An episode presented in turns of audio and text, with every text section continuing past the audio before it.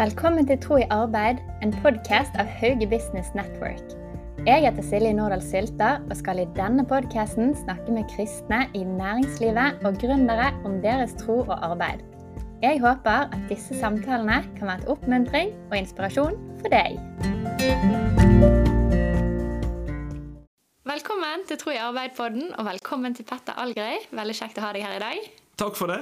Du er jo advokat med erfaring både fra Norge og Uganda, så du skal jo dele litt om eh, din trosreise og livsreise med oss i dag. Stemmer. Det blir bra.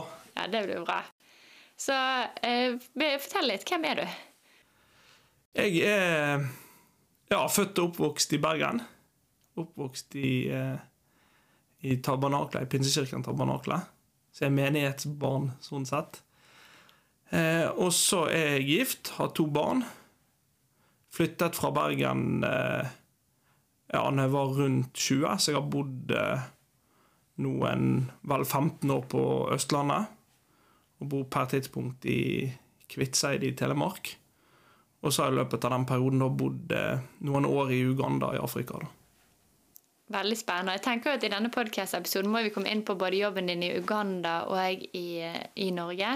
Men først, hvorfor valgte du å bli advokat? Ja, det er et godt spørsmål. Jeg føler vel egentlig at det var Det var egentlig aldri, aldri, en annen tanke for, for, min del. Det er liksom noe som jeg har hatt lyst til uh, hele livet. da. Altså Jeg tror at det er noe som, uh, som Gud la på hjertet mitt, og det, det, tror jeg. Men jeg har ikke noen sånn voldsom opplevelse av at jeg ble kalt akkurat til, til det yrket. da.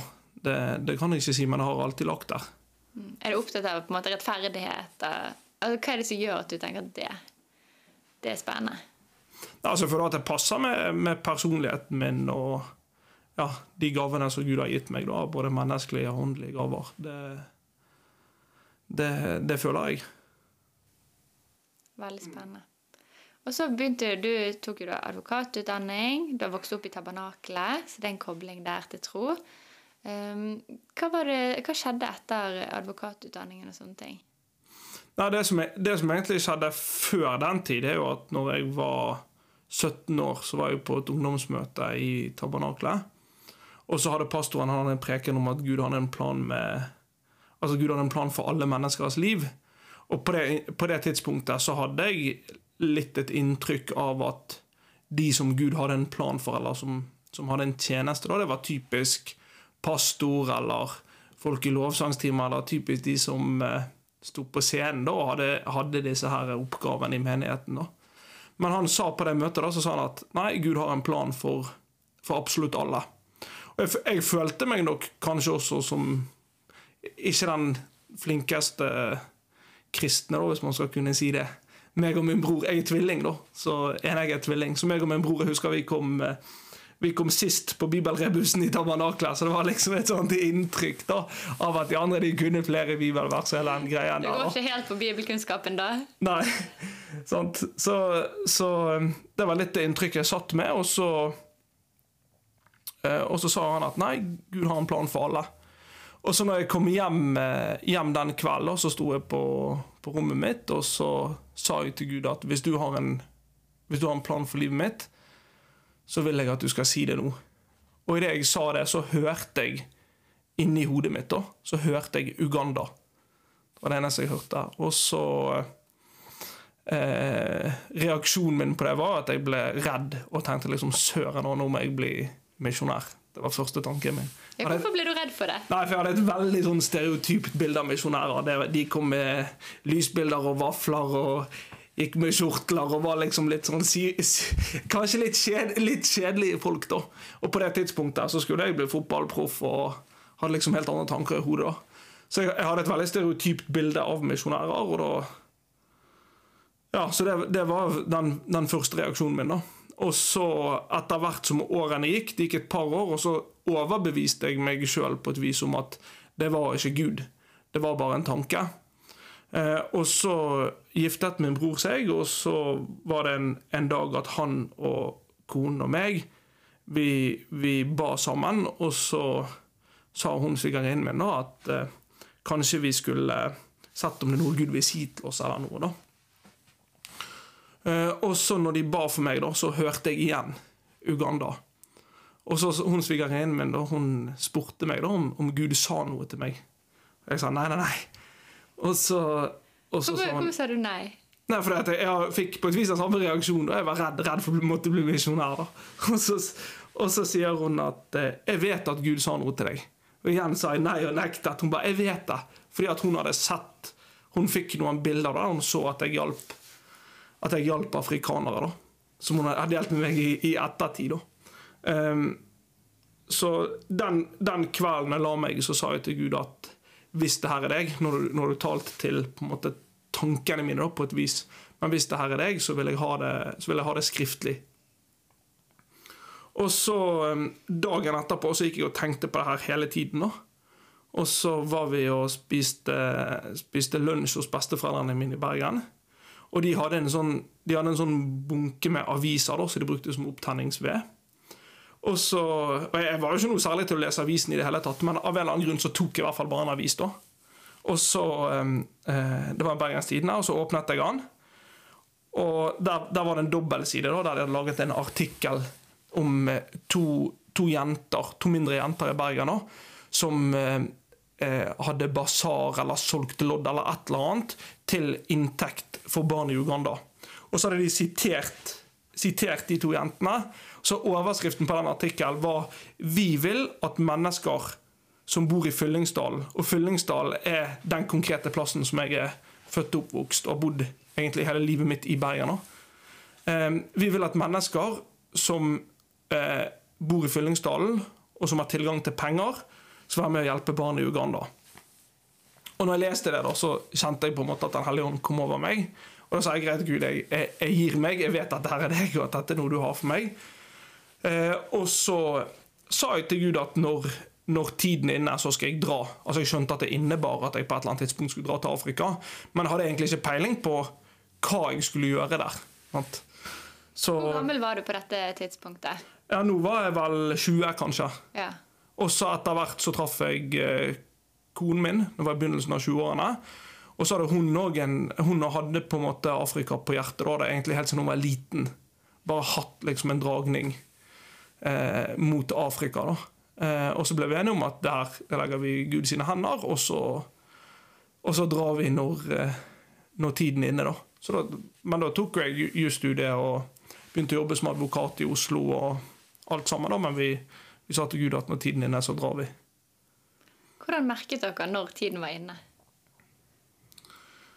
Ja, det er et godt spørsmål, men det var, det var egentlig bare en sånn indre stemme eller en indre fred, der, vi, der vi kjente at nå nærmer det seg. Eh, og nå er det på tide å liksom si opp jobben og ta de valgene der, da. Så da gikk jeg til sjefen min i Oslo og sa at eh, Gud har kalt meg til Afrika, så nå Sa du at han hadde kalt deg? Ja, jeg bestemte meg for at skulle si rett ut hva som, hva som hadde skjedd. da. Så jeg fortalte han, eh, fortalte han egentlig hele historien.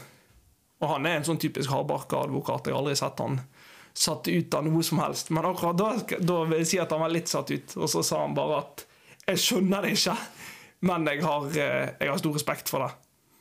Så ble jo møtt veldig fint, da. ja. Når du valgte å være åpen. Ja, og det, det føler jeg at kollegaene mine òg gjorde. Og jeg tror at det er noe med, med når, når folk blir presentert for ting som er sant, da, så kan de gjenkjenne det på et vis, selv om de kanskje ikke er klar over det sjøl. Var det en kamp for deg å være helt åpen? Eller falt det helt naturlig for deg? Bare fortelle hva som har skjedd. da. Altså, det, det, satt jo, det satt jo litt langt inne, men det var jo Jeg, jeg tror allerede det var et alternativ å ikke fortelle det. Sant? Folk jeg hadde jobbet sammen med i flere år, så Det var et alternativ å ikke fortelle, men det er jo klart at det, det koster jo litt. Men eh, ja, de, de tok det bra. Det kan jeg si, og det åpnet jo for mye spørsmål. og alt sånt, og Mange av de jeg merket, ble, ble på en måte litt sånn søken og begynte å spørre andre spørsmål om Gud og sånn i, i forbindelse med det. da. det stilig. Og så valgte jo dere å bryte opp. Var det vanskelig å bryte opp? For da var jo dere litt etablert, dere var kommet inn i arbeidslivet, eide hus. Var det et Ja, leilighet? leilighet. Ja. Mm. Måtte dere selge alt, da? var det vanskelig? Ehm, Altså Egentlig vil jeg si nei, men det var fordi at jeg hadde på en måte den Altså jeg hadde fått det kallet veldig tydelig. da Så jeg på en måte bare visste at jeg visste at jeg visste at det her er det som Gud har for oss nå. da eh, Og så opplevde jeg òg veldig at i den prosessen eh, der jeg sa opp jobben min, så begynte Gud å tale mer og mer til oss om hva vi skulle gjøre i Afrika. For vi visste jo ingenting om hva vi skulle Altså når jeg sa opp jobben min, eller i hvert fall like i forkant av det, så visste vi egentlig ikke hva vi skulle, hva vi skulle gjøre i Uganda og i, i, i Afrika. Da. Og det var jo inntrykket mitt var jo at jeg skulle ja, drive med tradisjonell bistand eller tradisjonell misjon. Typisk liksom jobbe på barnehjem eller dele ut bibler eller bygge skoler. Eller, sånn, det, det, du typisk ser for deg at folk, eh, altså misjonærer, driver med i Afrika. Og det er jo kanskje litt sånn det, det bildet jeg hadde fått indirekte fra ja, oppvekst i menighet osv. Uten at noen har sagt det direkte, men at det, liksom, det, der, det er det som kanskje blir fokuset. Det er det, det, du ser. De som er kalt til misjonærer, de kalte den type misjonsarbeid. Så det var jo det, det jeg tenkte opp i hodet mitt at jeg skulle gjøre. Når var det det endret seg, den forståelsen av hva dere skulle gjøre der? Nei, Det, det endret seg jo eh, Enten så var det rett før jeg så opp jobben min, eller det var i hvert fall ca. Et, ja, et år kanskje før vi faktisk dro. Eh, der Gud begynte å tale mer tydelig om de, om de tingene. Og jeg fikk på et vis veldig sånn Jeg fikk bekreftelser fra profetiske bekreftelser fra folk som jeg ikke kjente i det hele tatt, som ikke visste noen ting om det. Eh, som kom, på en måte kom bort til meg og jeg har profetert at de ser dette og dette over over livet mitt, da, som ikke kunne vite noen ting om det. Eh, så jeg fikk veldig mange bekreftelser på de tingene. Og da eh, at Gud hadde kalt, hadde kalt meg til næringslivet og til businessverdenen, og at jeg ikke har et tradisjonelt misjonskall eller et tradisjonelt bistandskall, da, hvis man skal kalle det det, men at, eh, men at jeg kalt til businessverdenen til å bygge en bro mellom, mellom Norge og Uganda, og ikke bare Uganda, men Norge og Afrika generelt. da og at det selvfølgelig var noe som eh, jeg skulle bruke utdanningen min og yrket mitt eh, Altså bruke det i den forbindelse, da. Ja, så da fikk du ord fra mennesker som ikke kunne kjenne deg godt nok til å vite hvem du var, at du skulle være i næringslivet i Afrika, og du skulle bruke utdanningen din og Ja. Tre, eh, faktisk eh, tre forskjellige personer over en periode på, eh, på et halvt år. Wow. Og de sa at ja 80% av de tingene som de sa, var, var likt, da. Så det, jeg følte veldig at Det hadde sikkert vært verre å ikke reise og gjøre det enn ja, ja, ja, det så tydelig overbevist. Så jeg følte faktisk ikke at akkurat det å, å, selge det vi hadde, og dra og ikke ha noen plan og de tingene, var, et, var egentlig så veldig utfordrende, da. Men det er klart at konen min var jo høygravid når vi dro med vårt første barn. og wow. sånn da. Så da fødte hun i Uganda ja. og alt der? Ja. Mm. ja det, det, krever jo litt tro på at ja, temaet si. vårt er viktig, altså. Ja, det kan du si. Ja. Dere virker som en uh, tøft par, da. At dere, jo, begge, at dere er like, på lik linje der. Det ja, det, det, det, er vi, det er vi absolutt. Og det er jo litt interessant fordi at jeg har jo opplevd å fått Jeg har opplevd å få veldig mange på et vis overnaturlige bekreftelser på kallet mitt. Mens konen min har egentlig fått akkurat like mange bekreftelser, men ikke på den samme nødvendigvis overnaturlige måten. Hun har mer liksom bare kjent en, en indre dragning mot Afrika, kjent en fred for det, mens jeg har fått litt mer sånn bekreftelser fra utenforstående. Og, ja, hvis du skjønner hva jeg mener. Ja, og Det er jo litt kult da, hvordan Gud møter dere ulikt. Ja, og leder dere ulikt, Men kan lede dere samme retning, men på veldig forskjellige måter. Mm. For det er jo sikkert noen som hører på denne podkasten og tenker sånn Wow, fantastisk, jeg vil ha mer av dette. Eller håper noe lignende kan skje med meg. Eller det har skjedd med meg òg, at jeg har fått en sånn visjon. Og så er det sikkert noen som sitter og tenker litt på at ja, men jeg opplever ikke at Gud snakker til meg så sterkt, da. Eller så direkte. Eh, men det er òg å vite at Gud snakker til oss på ulike måter. Han møter oss der vi trenger oss til rett tid. Ja, absolutt. Og ja, jeg, jeg vil òg si at altså Hva skal jeg si, da? 90% eller 99% av de gangene Gud snakker til meg, så er det jo ikke på denne måten. Sant? Det er jo ikke på den ekstreme, overnaturlige måten med at man får bekreftelser, eller man leser noe i avisen, eller Det, det er unntakene. Mens veldig ofte så er det på en måte den indre følelsen av fred, eller at noe kjennes rett ut. Og vanskelig å, å, å beskrive det. Sant? Men det er jo en reise i forhold til å bli kjent med Den hellige ånds stemme i ens eget liv. da. Og det er jo klart at Gud snakker forskjellig til oss. Absolutt. Det er et veldig godt poeng òg, det der å bli kjent med Den hellige ånd og, og liksom tørre å, å bli ledet òg. Eh, og det er jo du et godt eksempel på det å, å tørre å bli ledet. Eller det å gå på det. Selv om du var motvillig i starten, da. Ja, det Men det er bra. Det kan du si. Det er bra. Men så kom jo dere til Uganda da for noen år siden. Hvordan begynte dere å jobbe der?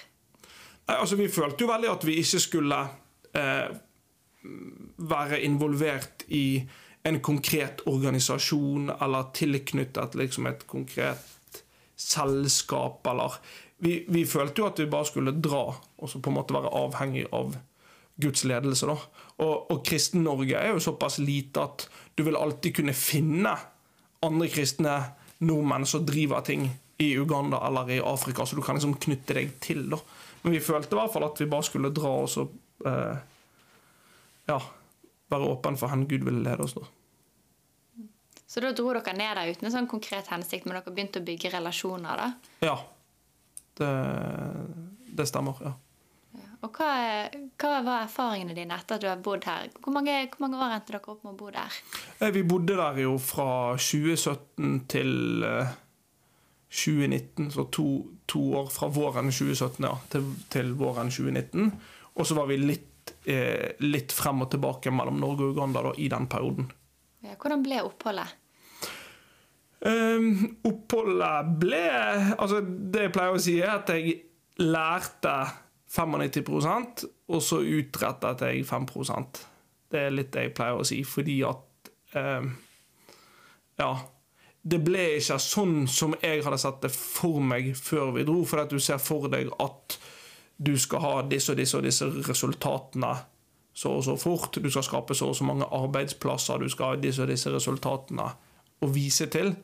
Og så kommer du til et eh, land der ting er ikke like effektivt som i Norge. Du kan ikke forholde deg til lover og regler på samme måten som her. Pluss at jeg ble jo far for første gang. Og jeg gikk, jeg, jeg gikk fra å ha en, en eh, jobb med veldig høyt arbeidspress til å ha mye mer fritid enn det jeg var vant til. Så det var en veldig sånn indre prosess samtidig. Men jeg, men jeg er jo veldig, veldig trygg på at det var en del av jeg, at det var meningen at det skulle være en del av reisen. Fordi at jeg tror at vi veldig fort kan bli altfor opptatt av selve tjenesten. Og tenke at Gud, Gud kaller oss fordi at han må ha, må ha noen til å gjøre eh, Altså han må ha noen til å gjøre den oppgaven. da. Mens jeg, jeg, jeg ser mye mer på det som at eh, Gud har skapt meg, og han har skapt meg til noe helt konkret. Og at det er en reise der jeg er ment å bli bedre kjent med han å utvikle karakteren min og se nye sider av han, lære meg å stole på han på en annen måte enn jeg har gjort tidligere. At det er på en måte en, egentlig en viktigere del av den tjenesten da, enn selve tjenesten isolert sett, og at man skal utrette noe. da. Sant? Ja, og det er viktigere hvem du blir i prosessen. Ja, det er i hvert fall et Ja, det, det vil jeg si. Det er i hvert fall et, en ekstremt viktig del av det. da. Sant? Og, og, bli bedre kjent med Gud og bli bedre kjent med hva han har, hva han har for oss. Og, ja. Mm. Mm. Og det er spennende. Jeg tror det er ofte sånn at når vi går inn i noe, at vi har lyst til å utrette så mye. Og så ender det opp med å bli en enorm læring for oss sjøl. I hvert fall hvis man bruker muligheten. Ja, det, det, er veldig, det, er veldig, sånn jeg følte det. Og så føler jeg jo samtidig at jeg sitter igjen med på en måte et nettverk som gjør at man eh, hva skal jeg si, kan jobbe med de tingene som, som, jeg føler at jeg er kalt til å jobbe med. da, sant? Med å implementere prosjekter i Afrika osv. Og, så videre, og bistå, bistå eh, andre som vil, vil, implementere gode prosjekter som kan bidra til økt sysselsetting og løfte folk ut av fattigdom og utruste mennesker gjennom, gjennom det. da. Eh, og da tror jeg at Spesielt i Afrika så er du avhengig av å ha et nettverk, du er avhengig av å ha folk du kan stole på. Så det, det føler jeg jo at det er veldig mye av det som kommer ut av det, uten at jeg kan sitte og si at jeg skapte 100 000 arbeidsplasser, for det kan jeg ikke si. Men det kom definitivt noe, noe ut av det i, i praksis òg. Men jeg vil likevel liksom trekke frem at den læringsprosessen er ekstremt viktig. Og ikke minst det å liksom lære seg å hvile i at eh, For min del, da, hvile i at det med Afrika det, det er et livslangt kall. Eh, og man, det man egentlig Det man må etterstrebe, det er jo å leve i nuet og leve tett på, og leve tett på Gud. Det er egentlig suksessoppskriften, sånn som jeg ser det. Enig. Ja. ja. det er bra. Det er bra du er enig. Jeg litt på, Du, du sier at dette er et livs, livslangt kall. Det med Afrika, og det å roe ned i det. Det er jo veldig spennende. Det å, for jeg tror veldig mange av oss har, har lyst til at ting skal skje veldig fort. sant? Mm. Og, og, det der med livslangt perspektiv kanskje ikke er like vanlig nå til dags som før i tiden. Jeg, bare, jeg bare fikk den tanken nå. Men kanskje ikke vi er, vi er alltid vant til å tenke så langsiktig som det. da. Ja, det, det kan godt hende. Og hvis du har et kort perspektiv i Afrika, i hvert fall, så er det jo noe med at ting, ting går ikke like fort som her. Så det kan i hvert fall være problematisk. Men jeg, eh, jeg, jeg, kjente veldig på det at det også var en prosess for å bli liksom fri fra en del av disse her tankene om at andre har forventninger. Sant? Andre har forventninger om hvordan det skal se ut. Og du må hele tiden svare på liksom, ja, men hva du gjør i Uganda? Hvorfor dro du? Ja, men Hva konkret? Hva er planen? Det, det, det, er de svarene folk vil ha. Og det er faktisk da på et vis bare hvile i at ja, men dette er et livslangt løp. Vi trenger ikke å stresse. Eh, og vi, vi, hviler i Guds ledelse, på en måte. da. Det var en læringsprosess for meg. For jeg er en som liker at ting skjer, og liker å jeg får ting gjort og trives med det. Så det, det kan jeg si at det var Ja, du måtte lære på den harde måten, da. Det du jobbet med i Uganda, det var hovedsakelig forretningsjus? Ja, altså, jeg, jeg, jobbet jo med, eh, med Hva skal jeg si altså, implement, altså, implementering av prosjekter. da.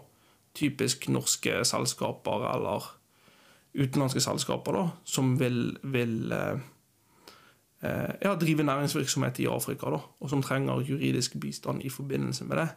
Ja, Så passe på at de følger lovverket, at kontrakten er på plass på en god måte. Ja, og at man setter de i kontakt med de riktige folkene osv. Men igjen så føler jeg at den, det elementet var ikke så stort som selve læringsprosessen og eh, som nettverksbyggingen. Sant? Så den nettverksbyggingen og det at vi, vi, på en måte fikk etablert et nettverk i Uganda og i enkelte andre land i Øst-Afrika var jo en av de tingene som kom ut av det. Bra. Eh, Vitnesbyrd, har du noen, eh, noen, spesielle historier fra tiden i Uganda som du ønsker å dele? Ja. Um, vi følte jo veldig at Gud satte oss i kontakt med andre mennesker på, på overnaturlig vis. da. Uh, der det på en måte Ja, et sett av tilfeldigheter, da. Uh, som gjorde at man liksom ja, kom i kontakt med folk. Da man kjente at ok, dette er en, dette er en gudegitt relasjon. Dette er ikke bare en tilfeldig relasjon. Og, og, en av de var jo en, en uh, ugandisk dame som uh, um, har på en måte kontakter høyere oppe i systemet. Og før vi dro til Uganda, så eh, Altså, en av de Vi var jo i Norge en, en liten periode, og så dro vi, dro vi, tilbake igjen. Og når vi skulle dra tilbake da, den andre gangen, så eh, var det en kamerat av meg som, eh, som gikk i gikk i en menighet vi gikk i på Østlandet, da, som eh, kom bort til oss og hadde, hadde fått et profetisk ord om en person vi kom til å møte i Uganda. da. Eh, og så sier han at eh, dere, dere, må selvfølgelig prøve det, for all del, men dere kommer til å møte en dame som har kontakter høyere oppe i systemet, eh, som har en veldig liten familie. Eh, og så var det et par andre ting han sa. Og så sa han at um, jeg, jeg kom til å vite hvem hun var, da. Altså jeg kom til å vite, vite hvem det var snakk om, basert på at hun kom til å være ekstremt skeptisk mot meg, da. Eh, så vi, vi, tok jo det til oss da, og tok, tok, tok det vi skulle til å si. Og så gikk det vel kanskje ja, to måneder etter vi kom ned der igjen, der jeg ble invitert til et sånt businessmøte. da. Med, ja, det var noe, noen andre europeere der, og så var det bl.a. en ugandisk dame og noen andre ugandere. da. Eh, så jeg fikk, jeg fikk en, en eh, følelse av at hun damen kanskje var hun som han hadde snakket om, da, eller profittert at vi skulle møte. Eh, og så på, i, i, det møtet da, så var det sånn at alle måtte introdusere seg sjøl, og alle måtte eh, fortelle hvorfor de var i Afrika og hvorfor de var i Uganda. og sånn da. Og Jeg gjorde jo det og fortalte om hva Gud hadde kalt meg til, og alle liksom, de bare jublet, sant? for de er så entusiastiske, og alle har et forhold til tro. Så de var veldig Syntes det var veldig bra, da. Utenom hun. Og jeg ble jo selvfølgelig sittende over Jeg satt over hun da på bord. Og hun bare sånn, jeg begynte liksom å stille masse kjipe spørsmål. Og det er nesten sånn, I, i Norge så ville vi kalt henne liksom frekk. Eller på grensen til frekk, i hvert fall. Hun var en sånn typisk, typisk uh, beinhard uh, afrikansk dame.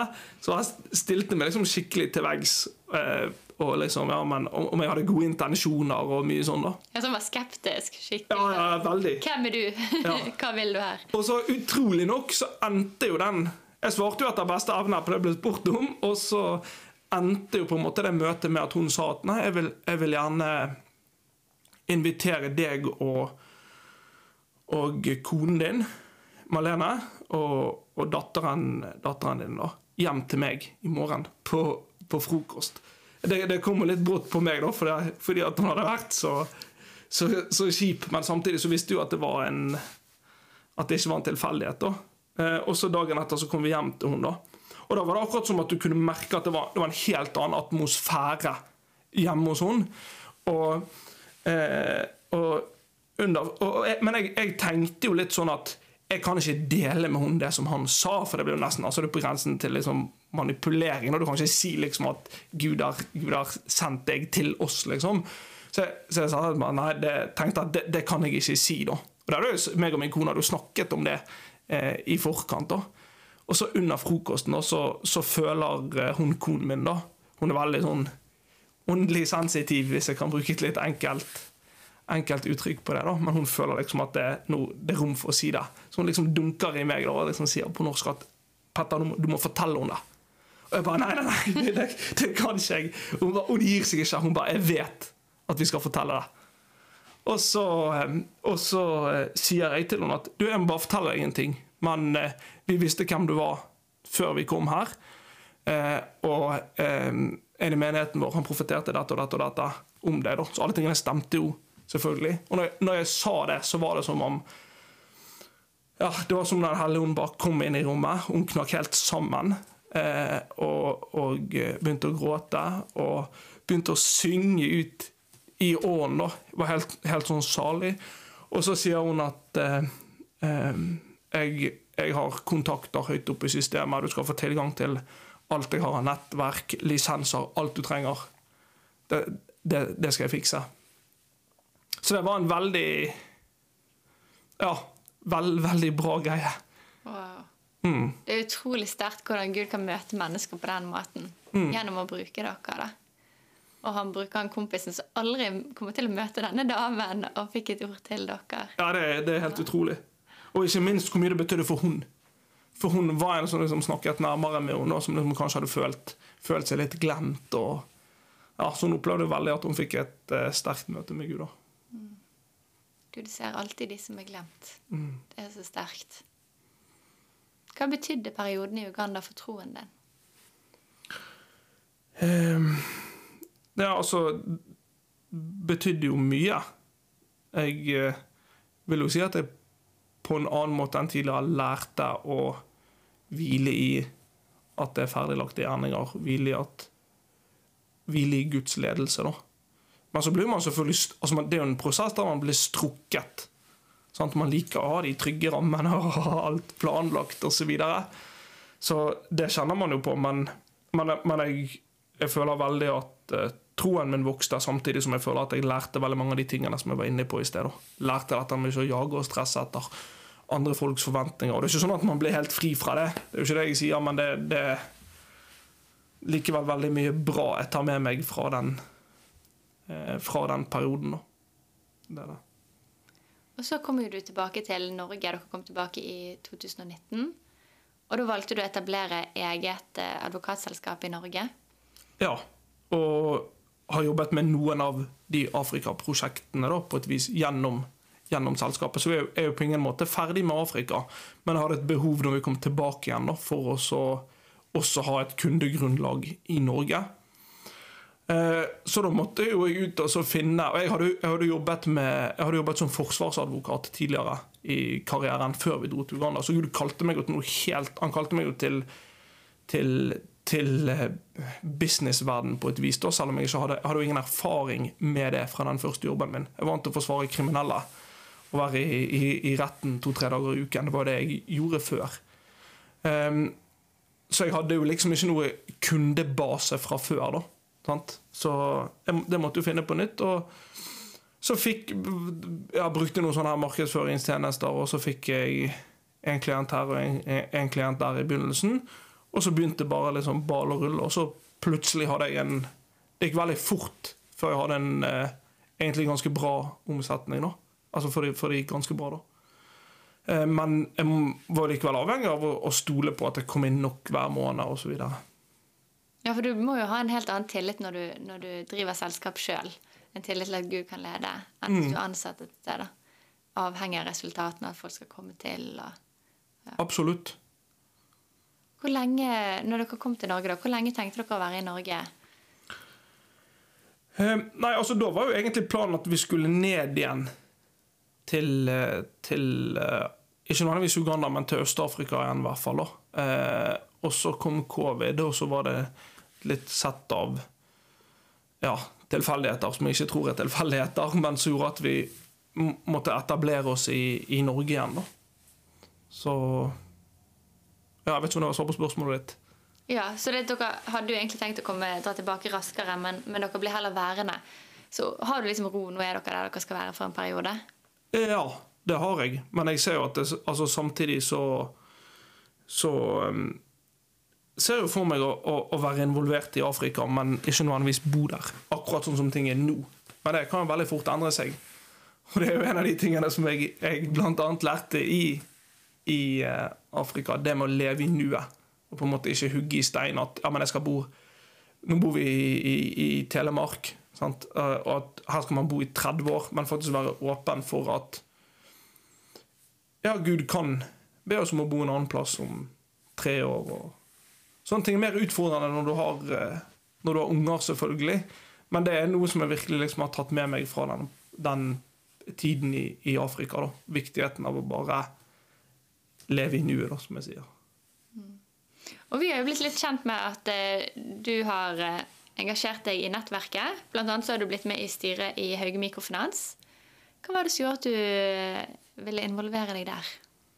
Det var egentlig ganske enkelt, fordi at uh, Hauge, Hauge Mikrofinans de uh, er i Afrika. de er i Afrika, det er én ting. Og så bidrar altså, de bidrar jo med å skape arbeidsplasser, med å utruste mennesker gjennom eh, Gjennom på en måte business, da, gjennom å løfte folk ut av fattigdom, stille, stille de ansvarlig. Sant? For det, du, du blir stilt ansvarlig på en helt annen måte i Eh, businessverden, hvis jeg kan kalle det det, enn, en det du blir når du bare får penger gjennom bistandsarbeid. Da. Nå er det ikke sånn at all bistand er, er fy-fy, det er ikke det jeg sier, men at eh, det er et utrustende element ved det å drive business, og det ved at folk skal klare seg sjøl, eh, som, som, jeg tror er veldig viktig.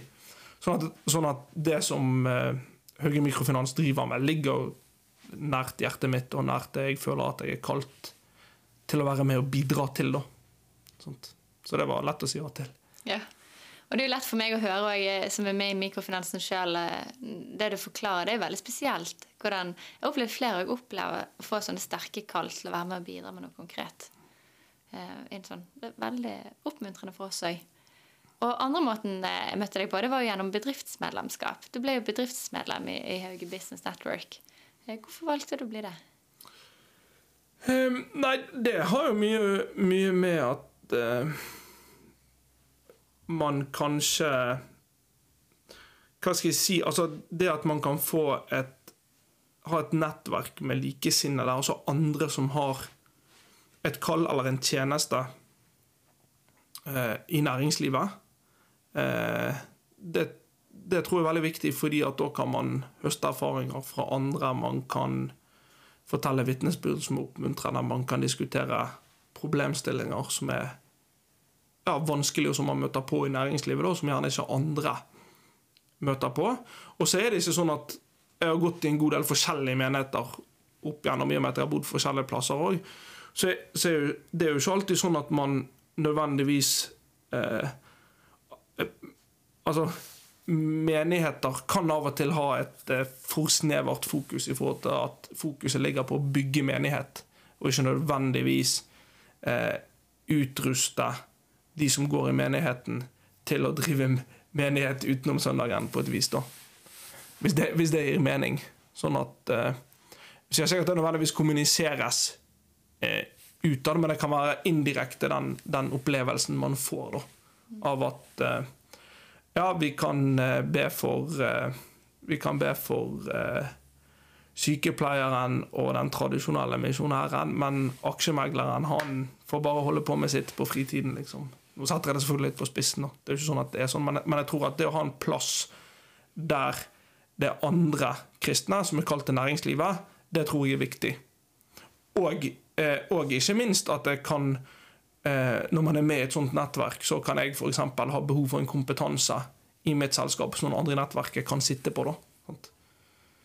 Ja, Det er jo virkelig noe med det der å stå sammen med likesinnede.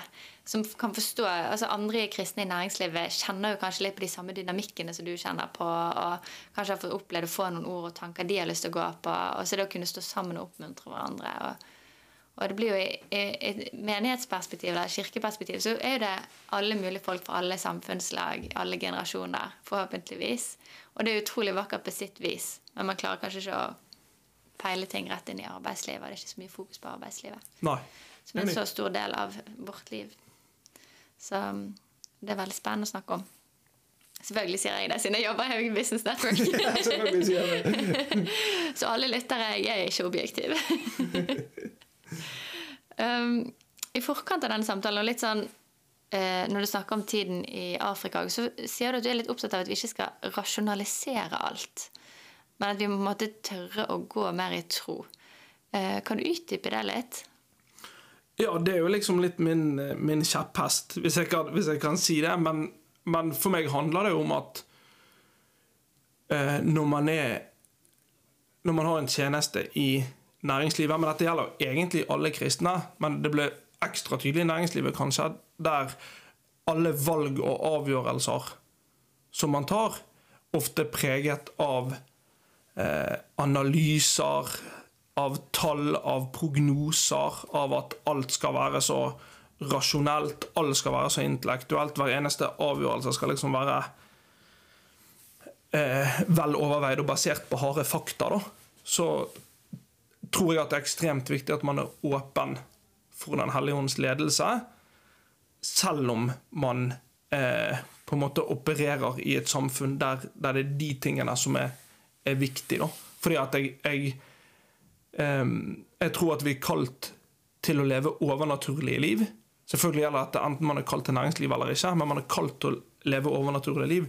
Hvis du ser på de, de bibelske personene som vi forteller historier om, så er det, det er historier om mennesker som gjorde ekstremt irrasjonelle ting fordi at Gud ba dem om å gjøre det. Og Det er noe som jeg tror er veldig viktig at vi tar med oss inn i næringslivet òg. At Gud kan be oss om å ta avgjørelser for bedriften vår som ikke gir mening der og da. Og det, det, er noe som jeg føler at Gud har utfordret meg veldig på. At han har bedt meg om å ta konkrete avgjørelser for selskapet mitt der jeg har sagt at ja, men dette gir ikke mening. Og dette har ikke vi økonomi til, dette har ikke vi kapasitet til. Og så har jeg tatt avgjørelsen likevel fordi at jeg har, jeg har visst at det har vært Gud, og så har jeg sett i etterkant at å ja, herregud, Gud er, han er verdens beste businessmann, han, og dette gir resultater ikke bare at det gir resultater fordi at eh, fordi at de resultater for virksomheten altså Jeg har opplevd at det er et økonomiske resultater, men, et veldig annet veldig viktig aspekt er jo at Gud får æren. Sånn, folk kan ikke komme og si at ja, men Petter er, så, Petter er så flink advokat, eller han er så flink, så det er ikke rart at han fikk til det.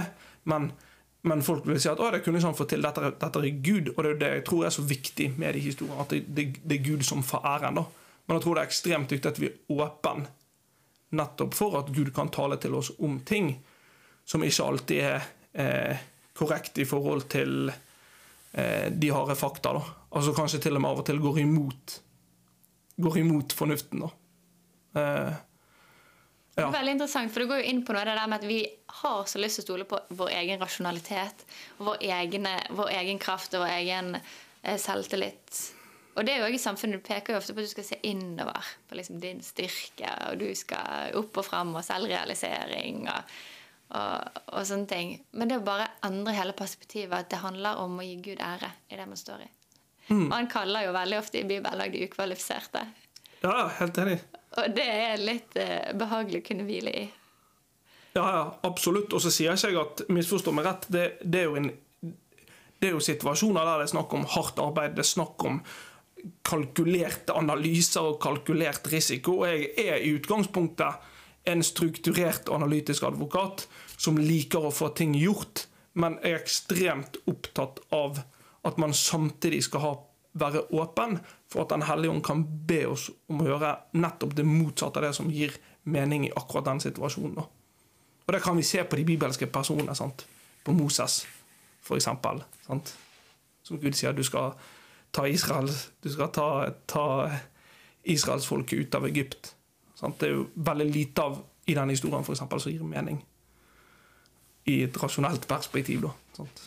Veldig sant. Og det er alltid gøy når man ser med de brillene òg. Hva var det egentlig de gjorde? Det er alltid lett å se at det var en suksesshistorie i ettertid, men akkurat når man skulle ta valget, da måtte man være litt, eh, litt åpen for Guds ledelse. Absolutt. Nå nærmer vi oss egentlig litt slutten, men eh, hvis du ser litt tilbake på det du har gjort så langt i tro- og arbeidslivet, eh, hva er det du sitter igjen med? Sånn lærdommer? Oi, det var et vanskelig spørsmål. Mm. Det skal være litt vanskelig å være på podkast. Ja. Nei, altså, jeg, jeg, jeg, føler jo egentlig at jeg sitter igjen med mye av det siste som jeg sa nå. At jeg sitter igjen med at det er så ekstremt viktig å være åpen for den ledelsen som av og til kan se irrasjonell ut, og faktisk, eh, og faktisk også si til Gud at virksomheten min, det er din yrke mitt, det er ditt Altså, dette er ting som jeg overgir til Gud. da. Det er en ting som er, er, er veldig viktig. Og eh, det som jeg har tatt flere ganger nå, at man er åpen for den ledelsen, og selv om det av og til kan, være, kan fremstå irrasjonelt i utgangspunktet. Har du noe du drømmer om fremover? Ja, jeg, jeg, har jo det. Altså, jeg, jeg, jeg drømmer jo på et vis om eh, om at vi skal ekspandere. Jeg drømmer om å Drømmer om å kunne ansette flere. Det gjør jeg. Vi er to i dag, da. Eh, det er noe jeg drømmer om. Drømmer om eh, at Afrika på en måte skal reise seg, eh, reise seg mer på et vis. Og at det skal, man skal kunne Det skal komme masse gode prosjekter. Ja som skal kunne vokse i Afrika. Det, det, er noe jeg drømmer om å se. Og at mennesker skal bli løftet ut av fattigdom i, i store tall, da, skulle jeg si. Mm. Amen. Amen. Har du noen siste ord til lytterne?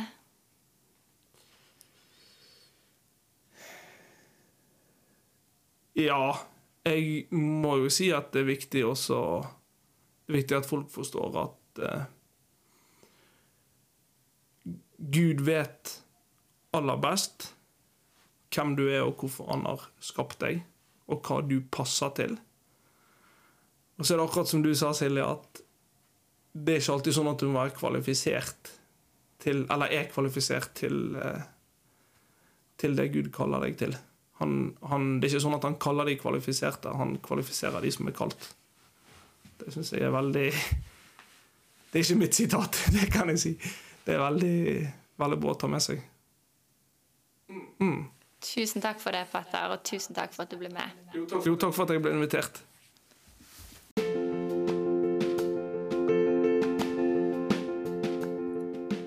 Takk for at du lytter til Tro i arbeid-podkasten. Hvis du likte innholdet, så må du gjerne dele det videre. Og Hauge Business Network vi blir alltid glad for nye medlemmer og samarbeidspartnere, så sjekk oss gjerne ut på Facebook eller nettsiden haugebusiness.no. Gud velsigne deg og arbeidet ditt.